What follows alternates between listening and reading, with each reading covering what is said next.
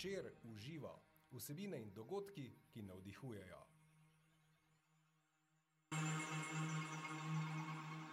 Dobrodošli, dobrodošli v novi epizodi podcasta Večer uživo. Tema tokratnega druženja bo komunikacija. Kaj je dobra komunikacija in kje se začne? Katere so besede, ki komunikacijo šibijo, in katera je tista komunikacijska lastnost, ki bi lahko rekli, da odpira vsa vrata? O vsem tem strokovnjakinjo za komuniciranje in retoriko, voditeljico in motivacijsko govornico Polono Požgan. Zdravo, zdravo, Maja. Zdravo. Hvala lepa za tako lepo dobrodošlico. ja, hvala tebi, ker si se odzvala našemu povabilu. Zelo, zelo smo veseli. Um, kako si? V redu, moram reči, da sem v redu. Evo, nič mi ne manjka. Ravno sem razmišljala danes, ko sem se peljala iz enega podjetja, da sem v bistvu zelo v redu. Prejšnji teden sem prišla iz Dubaja, sva bila z mojim starejšim sinom, 13 let starim Maxom. Veš, vmes je pa moja služba takšna, da predavam na različnih koncih in krajih Slovenije.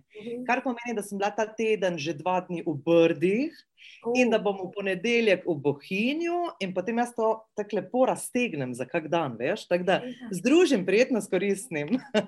In kako zelo je to pomembno? Ali Ja, je to pomembno? zelo, Dobro zelo. počutje. Res je, res je. In, in se vidi, da uživaš v svojem delu. Ne? Ja, strašno rada delam to, kar delam, moram reči, tako da moram sama sebe kontrolirati. Sicer bi uh, delala to kar vse čas. Jaz vedno rečem, če ne bi imela otrok, jaz bi cel cajt bila na žilo priklopljena, vse čas bi črpala neko novo znanje, skozi se učim, vse čas nekaj poslušam, vse čas nekaj berem, imam skupine online, imam skupine v živo. In uh, moram se imeti, tako bom rekla, na vrvici, se kontrolirati, sicer bi delala preveč. Uh -huh. Ne? Bi to zamenjala tudi za svoj hobi, recimo. Uh -huh.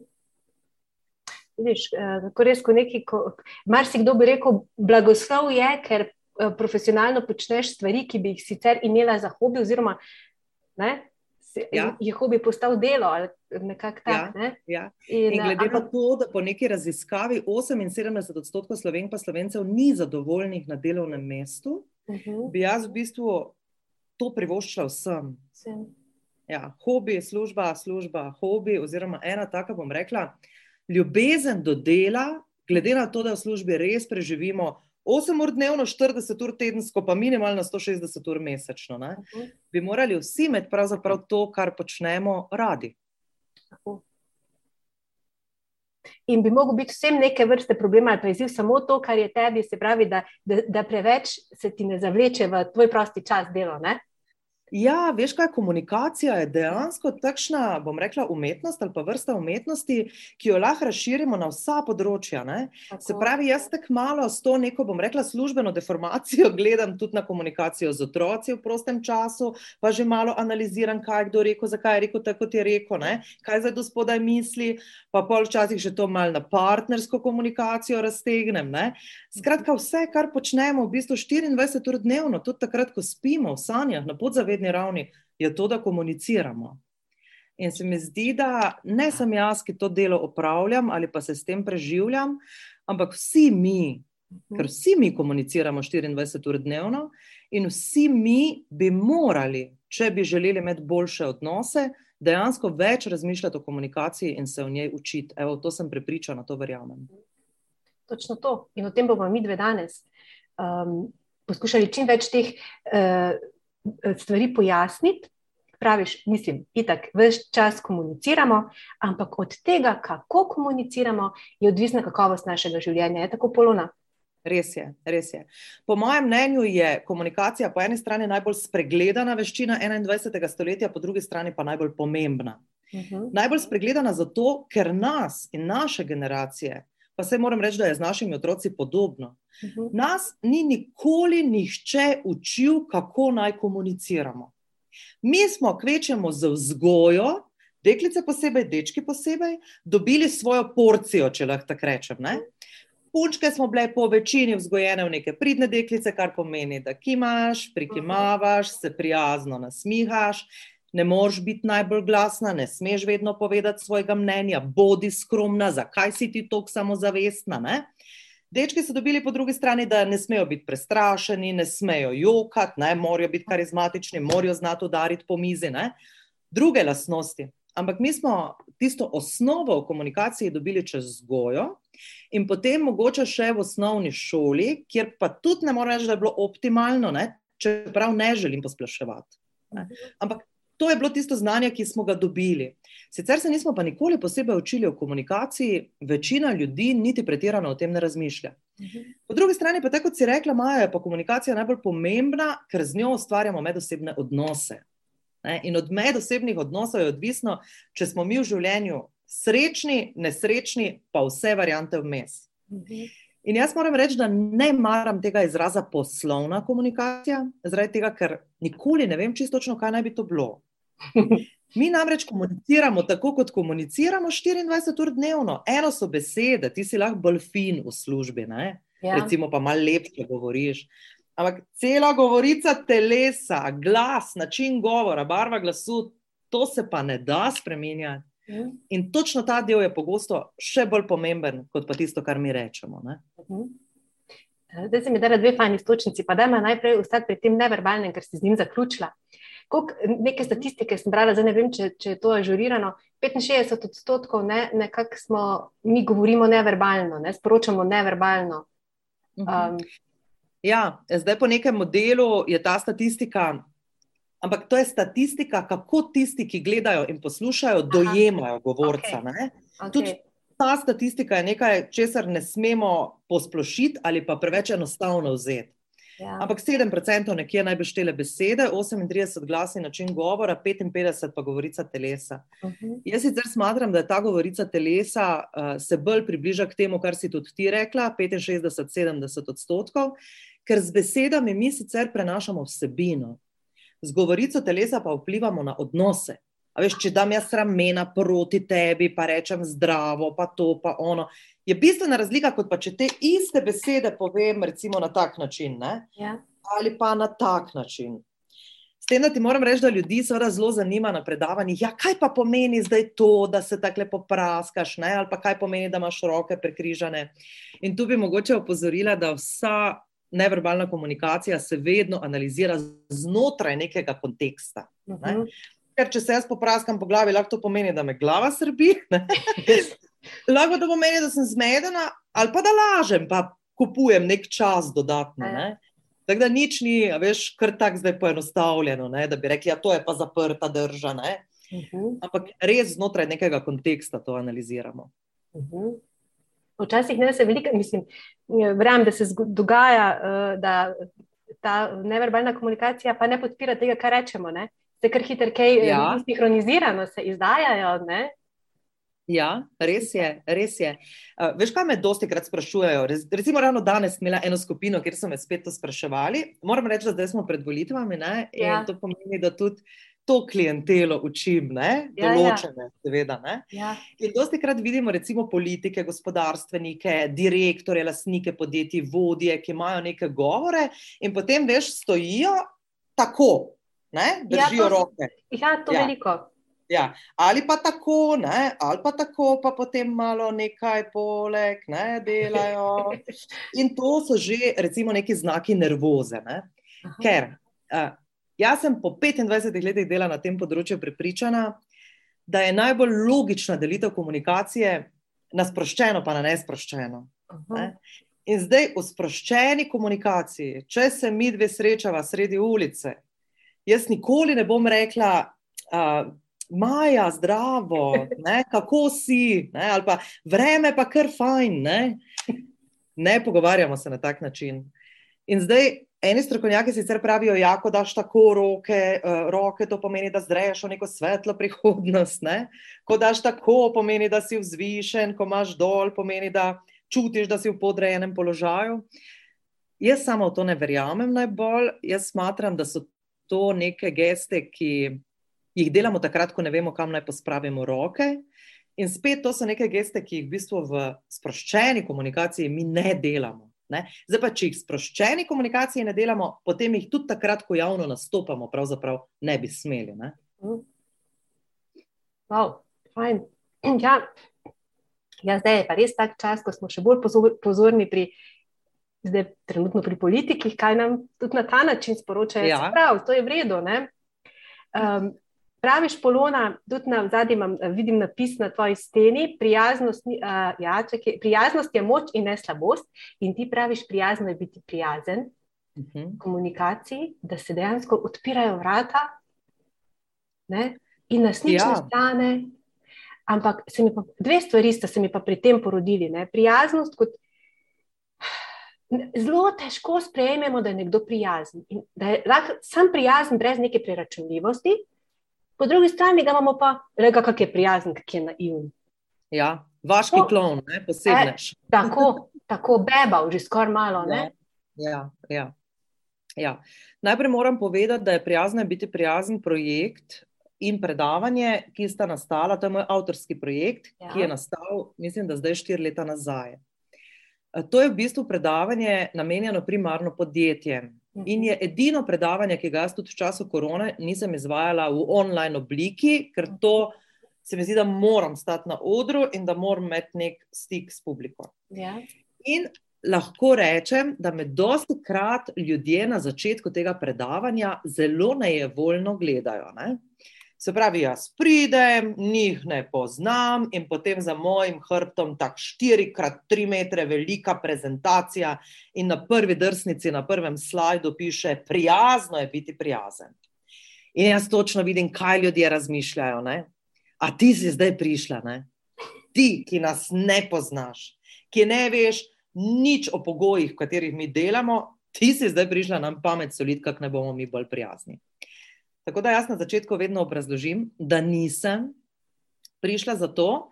In to je v bistvu projekt, katerega bistvo je to, to da jaz verjamem, da ljudje ne moramo biti prijazni z drugimi, če najprej nismo prijazni sami s sabo. Tako. In da ne moremo na lep način komunicirati z drugimi, če najprej na lep način ne komuniciramo sami s sabo. Z enim in z drugim imamo pa slovenci precej težav. Ne? In to, kar si rekla, to drži. Dosti krat se nam zdi, kako pa je on prijazen. Ne? Ampak, a, glede na to, da vsakodnevno srečujem različne ljudi, lahko rečem, da tisti ljudje, ki so primerno samozavestni, ki imajo dobro samopodobo, so brez težav prijazni. Ne? Tistim ni treba nič dokazovati, ni se jim treba ne braniti, pa ne nič dokazovati. Ne? In si z lahkoto prijazen. Ne? Tisti, ki bi pa želeli poudariti svojo moč z nekimi besedami, z neko prezentacijo, z nekim nastopom, ne? tisti, ki sem jih prej omenila, ki znajo po mizi udariti. Ne? Tisti pa seveda, uh, dosti krat niso prijazni, ampak tudi samozavestni v resnici niso. Ne? Res. Uh, sej, v, smo v, v komunikaciji, smo to, kar smo dejansko najprej sami seboj. Ne? Ja, dve desetletji nazaj, ko sem jaz začela se učiti na to temo, da ja. bom predavala, to je bilo takrat še z Ido Baš. Uh mhm. -huh. Smo mi v bistvu se učili, na kak način naj druge ljudi učimo te poslovne komunikacije. Uh mhm. -huh. Ampak jaz bolj sem padala v to temo, bolj sem ugotavljala, da je to sekundarnega pomena. Bistveno je to, kako ti komuniciraš sam s sabo. Ne, tu, tu noč se vse začne. In ta komunikacija je najbolj pomembna in je absolutno osnova, podlaga za vse ostale komunikacije, ki jih imamo. In v privat življenju, in v poslu.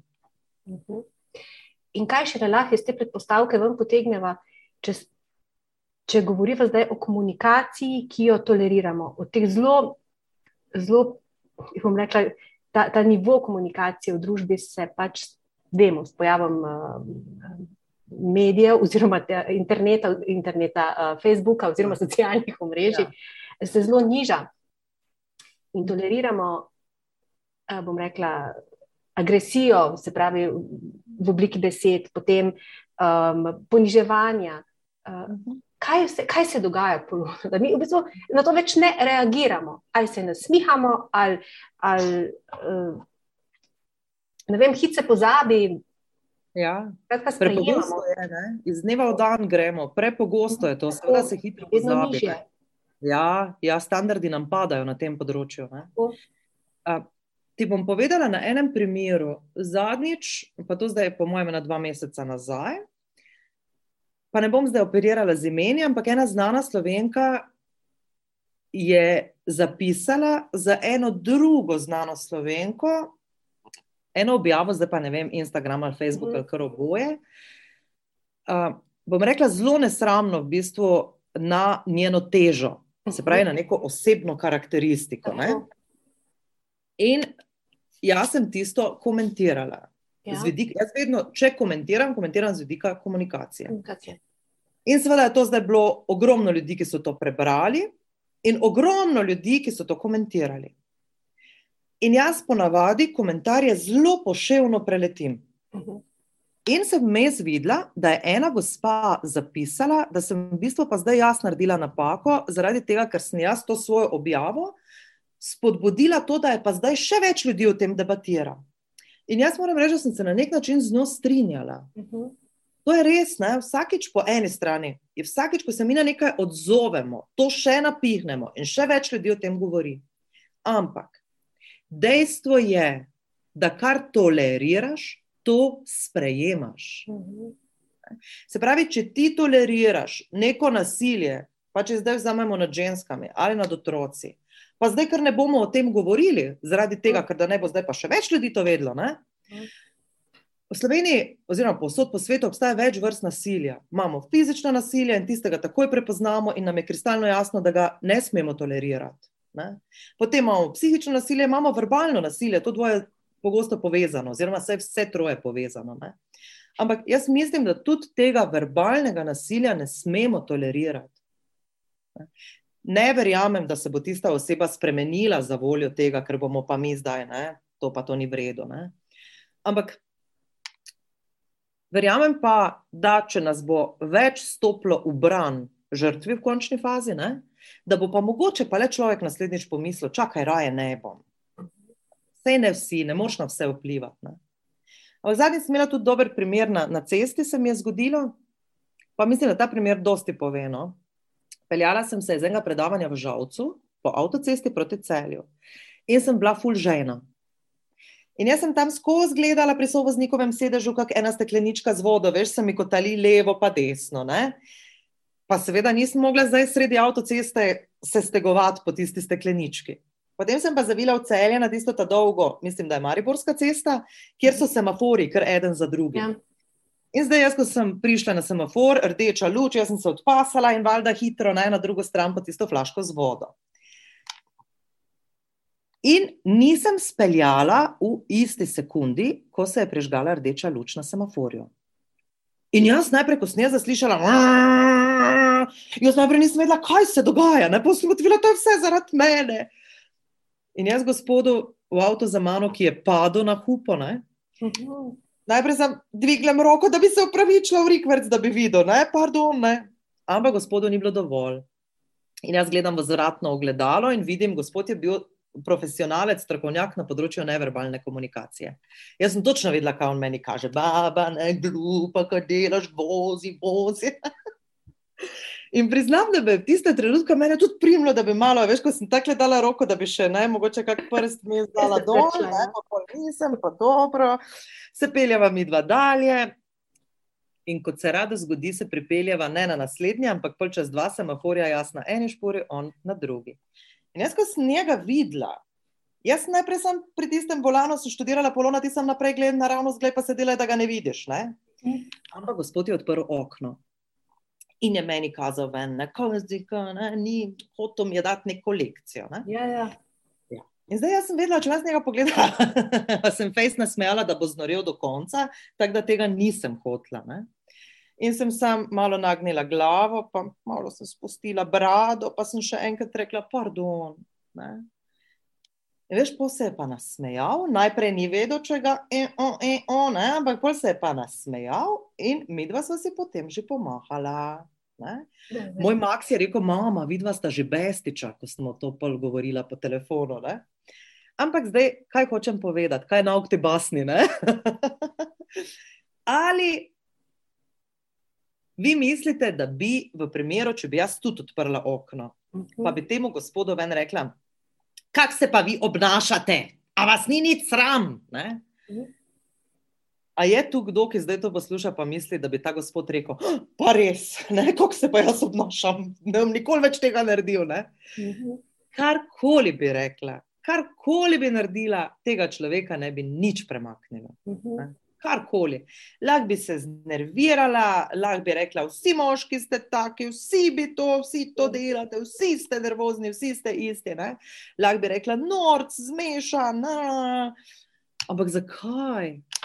Če pa ni vredno, res ni vredno se spustiti, ker mi se hitro znamo spustiti potem z neke prijaznosti in pozitivnosti, ne, saj si ti prvi to rekel, ja. pa si prvi to naredil. Ne. Pa ni važno, mi obranimo sebe.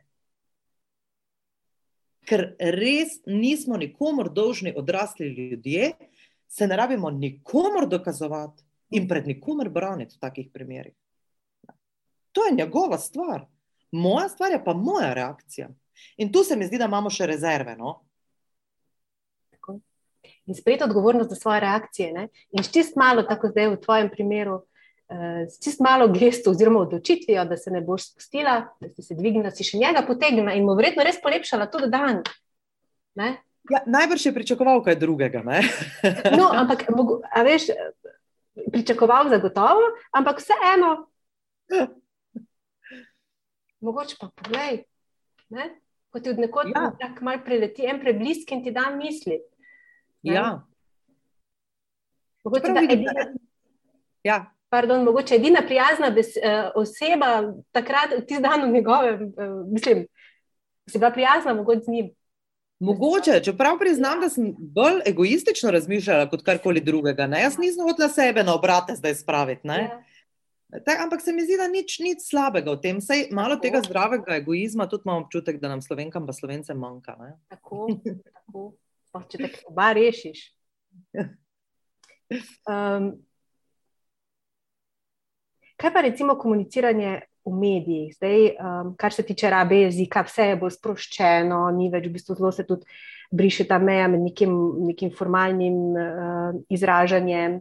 Uh, ali pa nekim uporabo zbornega jezika, to sploh ne več. Uh, vse gre res bolj uporaba, tudi uporaba slenga, predvsem pa nekih narečij. Um, ti si bila radika, um, zelo, to, zelo, ena prvih tistih, ki ste nekako, lahko rečem, celo postavljali neke temelje um, radijskemu, uh, nekim novim oblikam radijskega vode, vodenja. Bila si sproščena, oziroma oba sta bila s Sašom sproščena. Uh, Ja. Povej mi, ka, ka, kako komentiraš to zdaj? Uh, Ja. ja. Res sproščenost na radio, televiziji. Bila sva sproščena, meni se je vedno slišalo, da sem štajerka, tudi Mhm. Sašo to ne. Uh -huh, Ampak jaz v tem ne vidim nekega večjega greha. No. uh -huh, Držala sva nek nivo, nisva zdaj Mhm. tolkla čist po domače, ne? držala sva nek standard, ampak kljub temu sva govorila sproščeno. ja. Jaz, recimo, ko učim ljudi, vidim, kako so obremenjeni s tem, da bi morali govoriti neko knjižno slovenščino. Ja. In ljudi, ki se ne ukvarjajo zdaj profesionalno, recimo z jezikom, jim to še zbija samozavest. Recimo, nekdo sptuja najprej pove, ali pa z Murske, ali pa se ni važno, ne? z krasa, kjerkoli. Najprej pove, ja, pa jaz tako narečju govorim. Tako da jaz moram priznati, da tu spodbujam ljudi, da govorijo v narečju, Uh -huh. ampak da je tisto merilo, ne, to, da jih pač morajo vsi ostali razumeti. -huh. Zdaj, čisto po prekmorsko pač ne moreš toč, ker te ne bodo ljudje razumeli. Ne?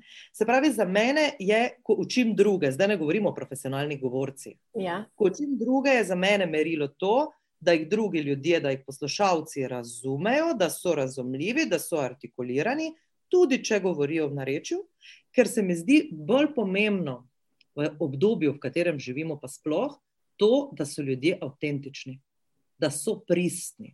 Ne? In imam raje, da razmišljajo o tem, kot pa o knjižni slovenščini. Mhm. In v sporočilu, ne krasno, ja, ta avtentičnost. Ja. Um, kaj res kljub temu, nekako je zelo pomembno, um, da kljub temu, da, da, da ko sporočamo, da sporočamo na nekem, se pravi, spoštljivem nivoju in da hkrati ohranjamo to svojo edinstvenost, ne? Absolutno. uniformirani.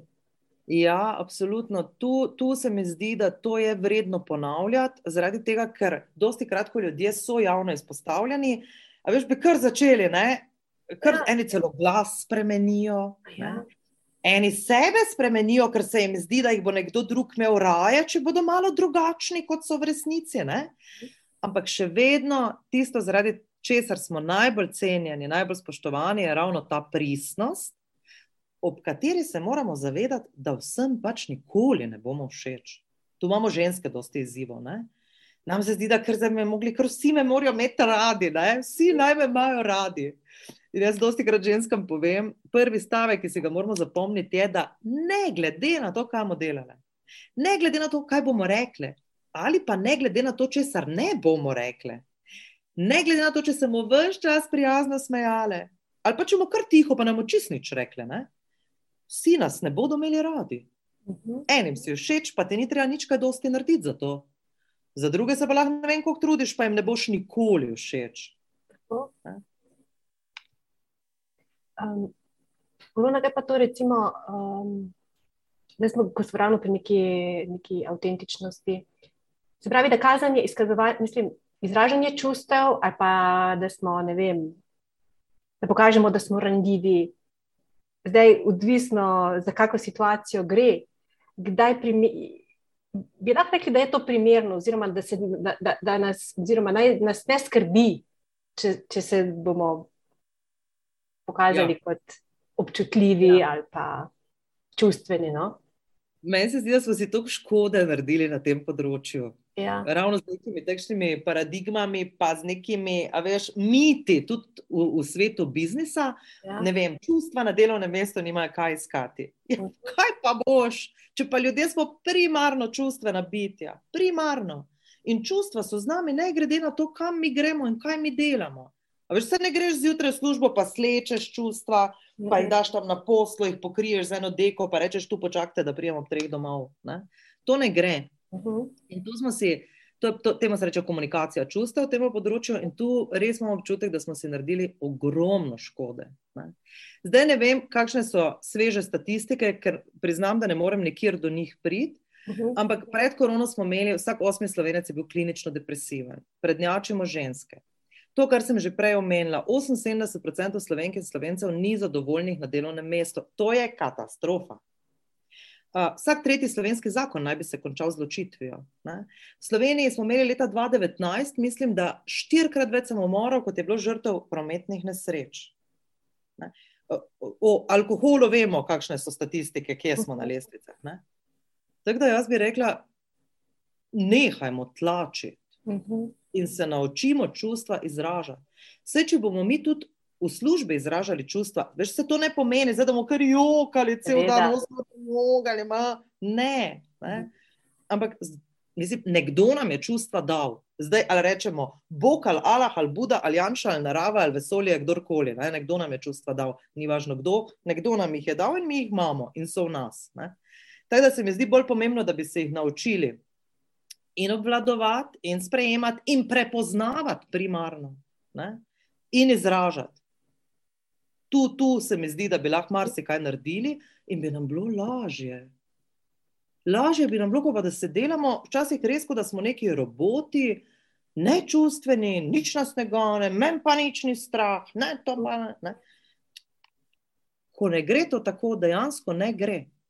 Tu mi je žal, recimo, da ne učijo že naših otrok in v vrtu in prvih razredih osnovne čo- šole o tem, kaj pomeni ta komunikacija čustev.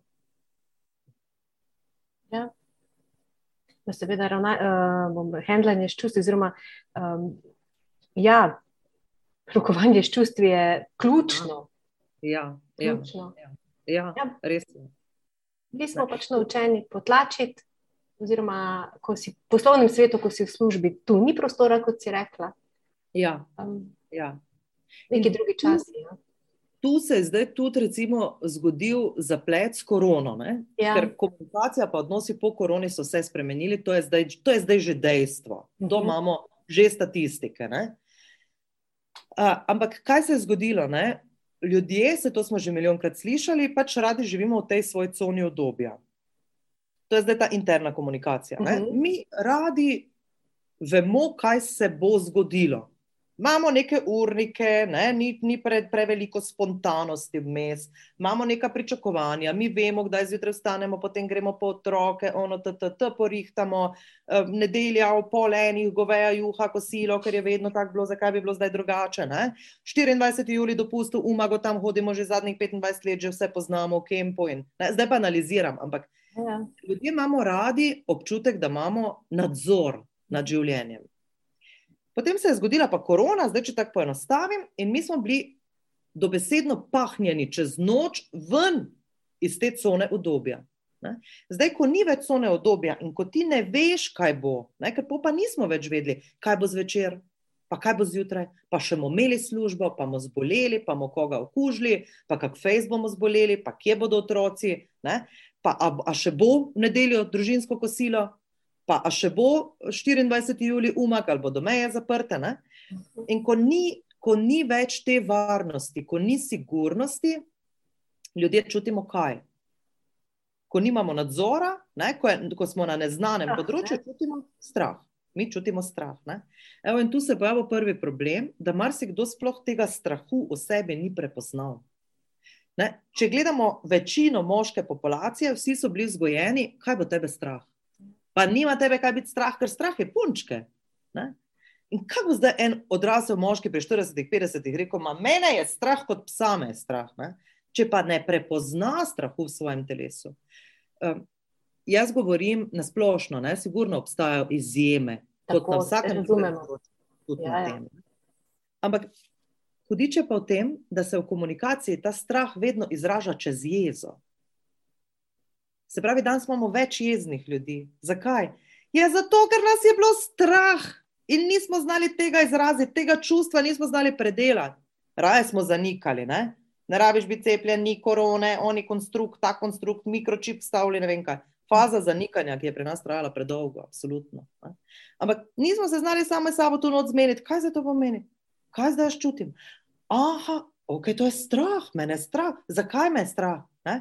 Zato in zato, okay, kaj lahko naredim, kako si lahko pomagam, s kom se lahko pogovorim. Ne? Mi smo pa tlačili, ni me strah. Koliko sem jaz imela moških, ogromno, ki so rekli, eh, res tisto iz srca, ko sem rekla, vas je kaj strah. Mene, mene, da bi bilo strah, ne, ko sem ok. Ne? ja, in zanimivo, recimo, jaz uh, največ delam v zdravstvu, pa šolstvu. In zdravstvo, recimo medicinske sestre po celi Sloveniji jih sprašujem, kaj je največji problem v komunikaciji, in večina jih reče, jezni pacijenti. Ne? Zdaj, če si mi predstavljamo, da nas nekaj boli, pa gremo k osebnemu zdravniku, pa dobimo napotnico čez 8 mesecev za ultrazvok, jo, kaj čutiš? Ne? Primarno straha, še živa takrat. Ne? Banaliziram, ampak po, v tem smislu gre. Ne? In potem to izrazim z jezo. Kaj je z vami? Kako čez 8 mesecev? Ne? Na sestro izrazim jezo, ne na doktorjem. Tu ponovadi sestre pokasirajo, ne? ker avtoritet pa vseeno se imamo malo respekta.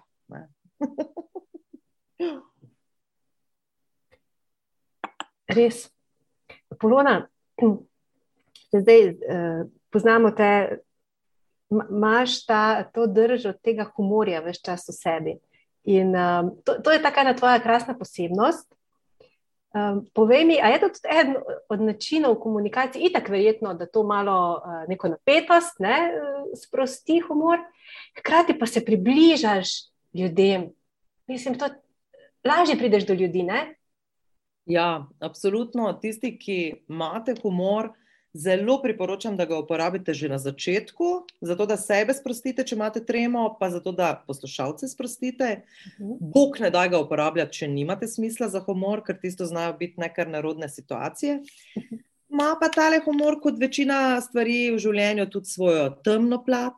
Ne? Dosti krat je to neka obramba, da ima se malo pohecati, se ne rabimo resno pogovarjati. Ne? Uh, In jaz sem tudi pri sebi opazila, da ga znam uporabljati v, v tem smislu. Tudi, no.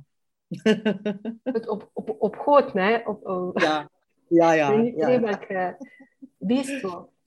Mhm. Ampak ne, hkrati je to tako, pa sploh, če se znamo na svoj račun eh, pohecati, ne? Ja, to se mi zdi pa najbolj pomembno. Ne? Mhm. Uh, ampak res moramo paziti, da ne gremo potem v smer, da smo žalostni klovni. Ne? V sebi To, nekaj, česar ne izražiš, na vzven pa. Ha, ha, ha, ne? tako. ja. Pa tudi, eh, kateri način humorja uporabljati. Um, žaljiv, zdaj smo imeli pač primer na Oskarjih tudi enega take neposrečene uporabe humorja. Um, kje je zdaj v bistvu tista meja polona, da bi lahko rekli, mislim, oziroma kak humor je primeren? Uh mhm. -huh. Eni nimajo občutka res, pa ne želi nič slabega, ampak ja. ni namerno, da bi koga užalil, ampak. Ja. Glej, jaz sem, uh, ne vem, če veš, jaz sem eni dve leti intenzivno nastopala tudi po gledališčih. In sicer z eno monokomedijo, ki jo je spisala pisateljica Janja Vidmar in režiral uh, Matjaš Latin. Uh mhm. -huh. In je to bilo zelo uspešno, in jaz sem zelo uživala, naslov je bil Alfa Samica.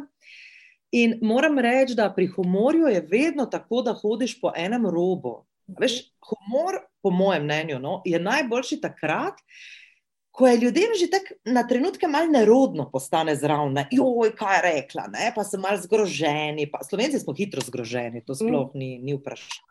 Ne? Ampak humor si zelo na meji, zelo na meji in zelo, po mojem mnenju, zelo težko hodiš po tej meji, brez da bi. A veš, koga užalo ali karkoli. No? Ker tu, tu so lahko ljudje hitro žaljeni. V nečem se najdeš, pa rečeš, že od tega pa mu ne bi bilo treba reči. Recimo, in tu se mi zdi, da moramo najprej se malo odpreti, pa začeti to sprejemati, pa pač dejansko ugotoviti in spoznati in sprejeti, da to je humor. Mm da komiki delujejo na tak način, ne, da hodijo po robu. Uh, če si omenila Oskarje, ja, seveda, iz pač nekih telesnih uh, hip, bolezni uh, se ne norčuje. Ne?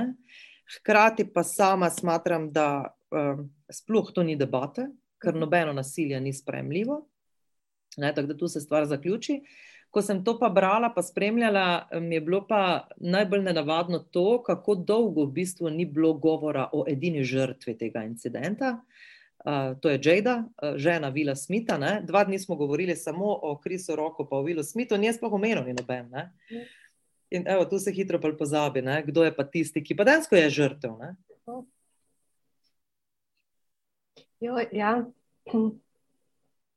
zelo, um, e, moraš biti prebojen, no? moraš, moraš imeti občutek. Hkrati mora biti pa tudi uh, tisti, ki tako mora sprejemati, tudi mora biti odprt, tako praviš. Ja, absolutno, absolutno. Sej to, ne, mogoče bi res bilo lažje, če se ne bi tako resno jemali. Oh, ja. Ne sebe, pa ne življenja, pa ne odnosov. Ker, veš, tu pa res velja na področju odnosov, da ponavadi nobena juha ni tako vroča, kot se skuha. Ne? In mhm. ravno danes na eni skupini razlagala, ki so prišli v en konflikt v enem podjetju, da samo naj počakajo, ne takoj reagirati.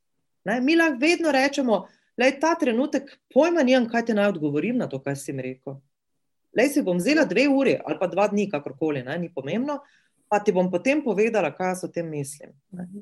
Ni nam treba takoj skočiti, mi si lahko vzamemo ta neki čas, da ne odreagiramo v trenutku. Ker nas ta reakcija v trenutku nas ponavadi spravi na nek nivo, ki mogoče ni najboljši, ne? koga užalimo, prizadenemo, se sami spustimo pod neke svoje standarde in tako naprej. Zdaj, ko si omenila to, da treba malo počakati, da ne reagiramo takoj, kaj bi rekla, recimo, če bi bilo to eno od pravil, ali zlatih pravil, ali kakorkoli neke dobre komunikacije. Ja.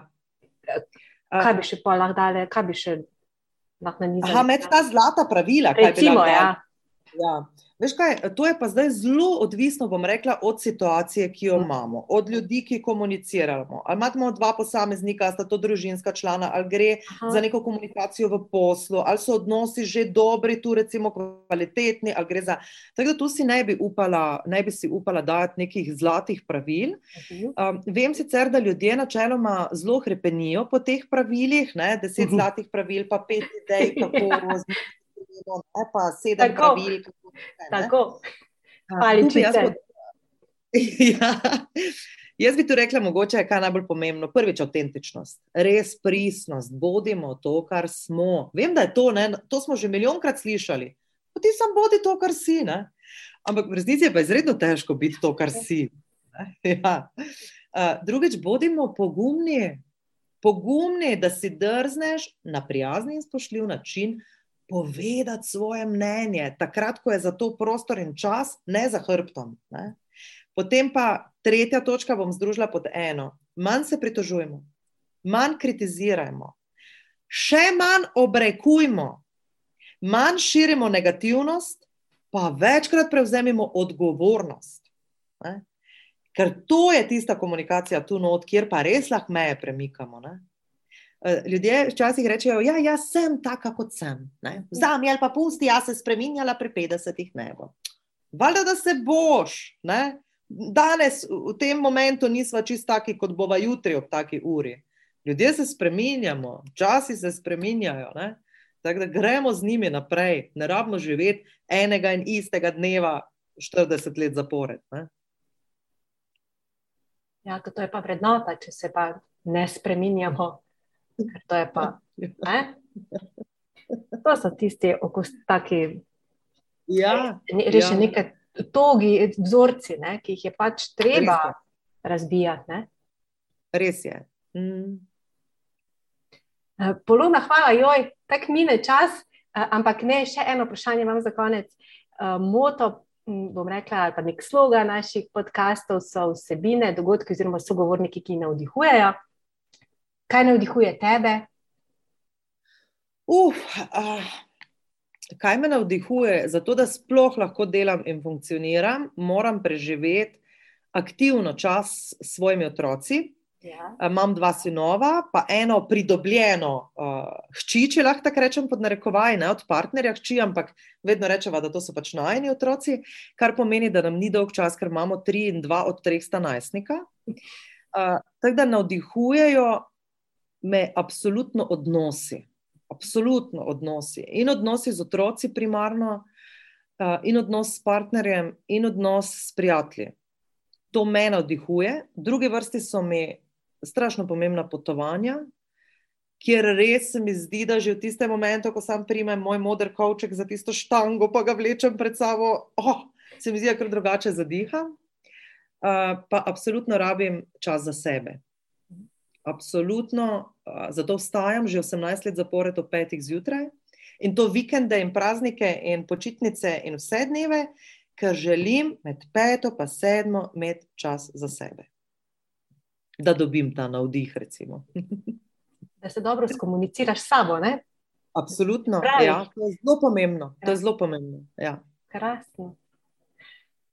Hvala, hvala, Polona Požgan, hvala za fajn, fajn, fajn pogovor. Maja, hvala tebi, pa hvala vsem, ki si bodo vzeli čas, pa tole pogledali, pa poslušali. Hvala. Več informacij o podcastih in dogodkih večer v živo najdete na večer.com pošiljnica v živo in na Facebook strani večer v živo. Tudi tokrat sem bila z vami Maja Furman, srčno in srečno, dok malu.